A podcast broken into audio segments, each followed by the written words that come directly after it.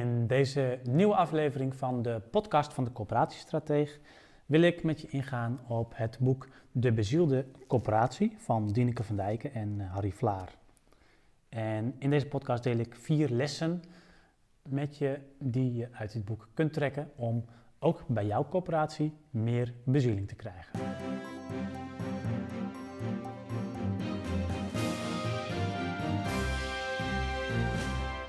Het boek heet eh, De Bezielde Coöperatie van Dieneke van Dijken en Harry Vlaar. Zeker een aanrader om dat zelf ook te gaan lezen. Ehm, alleen al vanwege de twaalf interviews die erin staan met mensen vanuit allerlei verschillende rollen bij coöperaties. Die uh, al dan niet met uh, veel of weinig klantcontact, maar in ieder geval mensen die met bezieling werken aan de taken van coöperaties. Mooie voorbeelden daaruit laten ook zien dat je echt uh, out of the box kunt denken en daarmee echt dingen voor je huurders mogelijk maakt. Terwijl als je, um, ja, als je zonder bezieling zou werken en um, je zou dat allemaal niet bedenken, je zou niet out of the box denken, dan blijven die problemen die mensen hebben voortbestaan. Um, een mooie quote vond ik wel van uh, Henry de Miranda, die ook in dit boek wordt geïnterviewd. Nee zeggen, dat moet eigenlijk gebaseerd zijn op je uiterste best doen om ja te zeggen.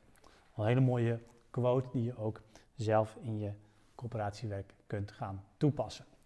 Um, nou, wat zijn dan de lessen? Die ook, uh, er zijn nog veel meer lessen uit dit boek te trekken, maar ik wil er vier met je, met je delen. Um, begin eigenlijk altijd met waarom je je werk doet. Dat kun je natuurlijk op coöperatieniveau vertalen in een missie, maar ook voor jou als coöperatiemedewerker zelf. Bedenk voor jezelf dus waarom doe je eigenlijk dit werk? Is dat puur voor de inkomsten die het aan het eind van de maand elke keer oplevert? Of is er ook nog iets anders? Vaak is er ook nog wel iets anders uh, waarom je dit werk ooit bent gaan doen. En die missie, dat waarom, staat dat nog steeds centraal in jouw dagelijkse werk. Simon Sinek heeft daar ook een mooi model van gemaakt. It starts with why, waarin hij aangeeft dat het waarom, dat dat eigenlijk de kern van een organisatie moet zijn. Een tweede les is dat je professionals die binnen de coöperatie werken veel ruimte moet geven om af te wijken van de gebaande paden en de vaste procedures. Op het moment dat zij dat zelf nodig achten. Um, professionals binnen een coöperatie die veel, praten, veel spreken met huurders, die weten vaak best wel op het moment dat iets ja, binnen de regels eigenlijk niet op een optimale manier wordt opgelost. Nou, geef die professionals dan ook de ruimte om van die regels af te wijken. In de praktijk zul je zien, 80% van de gevallen, ja, daar zijn die procedures en systemen die je binnen de coöperatie hebt opgetuigd prima geschikt voor. Maar in een klein aantal gevallen, 20%, iets misschien minder, um, zullen er gevallen zijn, situaties zijn waar die regels niet op, op, op geënt zijn, hè, die niet bedacht waren toen je al die regels en procedures opstelde. Nou, zorg er dan ook voor dat er ruimte is om daar in concrete situaties van af te wijken. Derde les is maak echt contact met huurders. En dat geldt echt voor alle lagen in de organisatie. Zorg ervoor dat niet alleen maar de mensen aan de balie of de mensen die in de wijken werken, dat die contact hebben met huurders.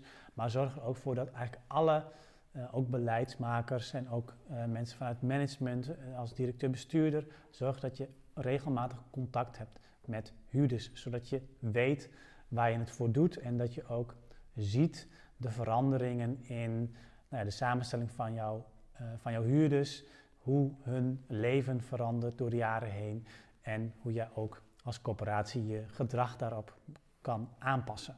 Een vierde les gaat over duidelijk communiceren met je huurders. En dat je duidelijk zegt wat wel en niet geaccepteerd wordt. Dat je duidelijk zegt wat wel en niet kan, wat coöperatie wel of niet doet. En uh, dat is iets wat door het hele boek, met name ook in de interviews, wel heel veel naar voren komt. Dat, je, dat heel belangrijk is om duidelijk te zijn naar bewoners. Dus zeg ook vooral wat je niet doet en wijs bewoners ook op hun eigen verantwoordelijkheid. Daarmee zullen bewoners ook zelf meer initiatieven nemen en ook hun verantwoordelijkheid nemen, zodat je aan de andere kant ook als coöperatie jouw deel kunt doen en dat het samen ook echt um, iets oplevert. En dat je niet alleen als corporatie aan een dood paard loopt te trekken. Nou, dat zijn eigenlijk de vier lessen die ik in ieder geval je wil meegeven uit dit boek. Ik zou je zeker aanraden om dit boek te gaan, gaan lezen.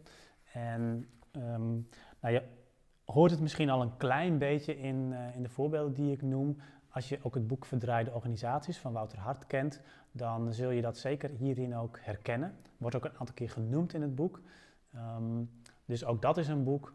Dat gaat natuurlijk algemener over overheden, maatschappelijke organisaties. Maar ook dat is een boek wat heel interessant is als je bij jouw corporatie meer uh, bezieling wilt brengen en ook terug wilt naar echt de kern, het waarom van de organisatie. Terug wilt, zoals Wouter Hart het noemt, naar de bedoeling. Bedankt voor het luisteren naar deze podcast. Wil je nieuwe afleveringen ontvangen? Abonneer je dan op deze podcast. En kijk ook eens op onze website corporatiestratege.nl voor meer praktische tips en downloads die jouw werk als corporatiestratege makkelijker maken.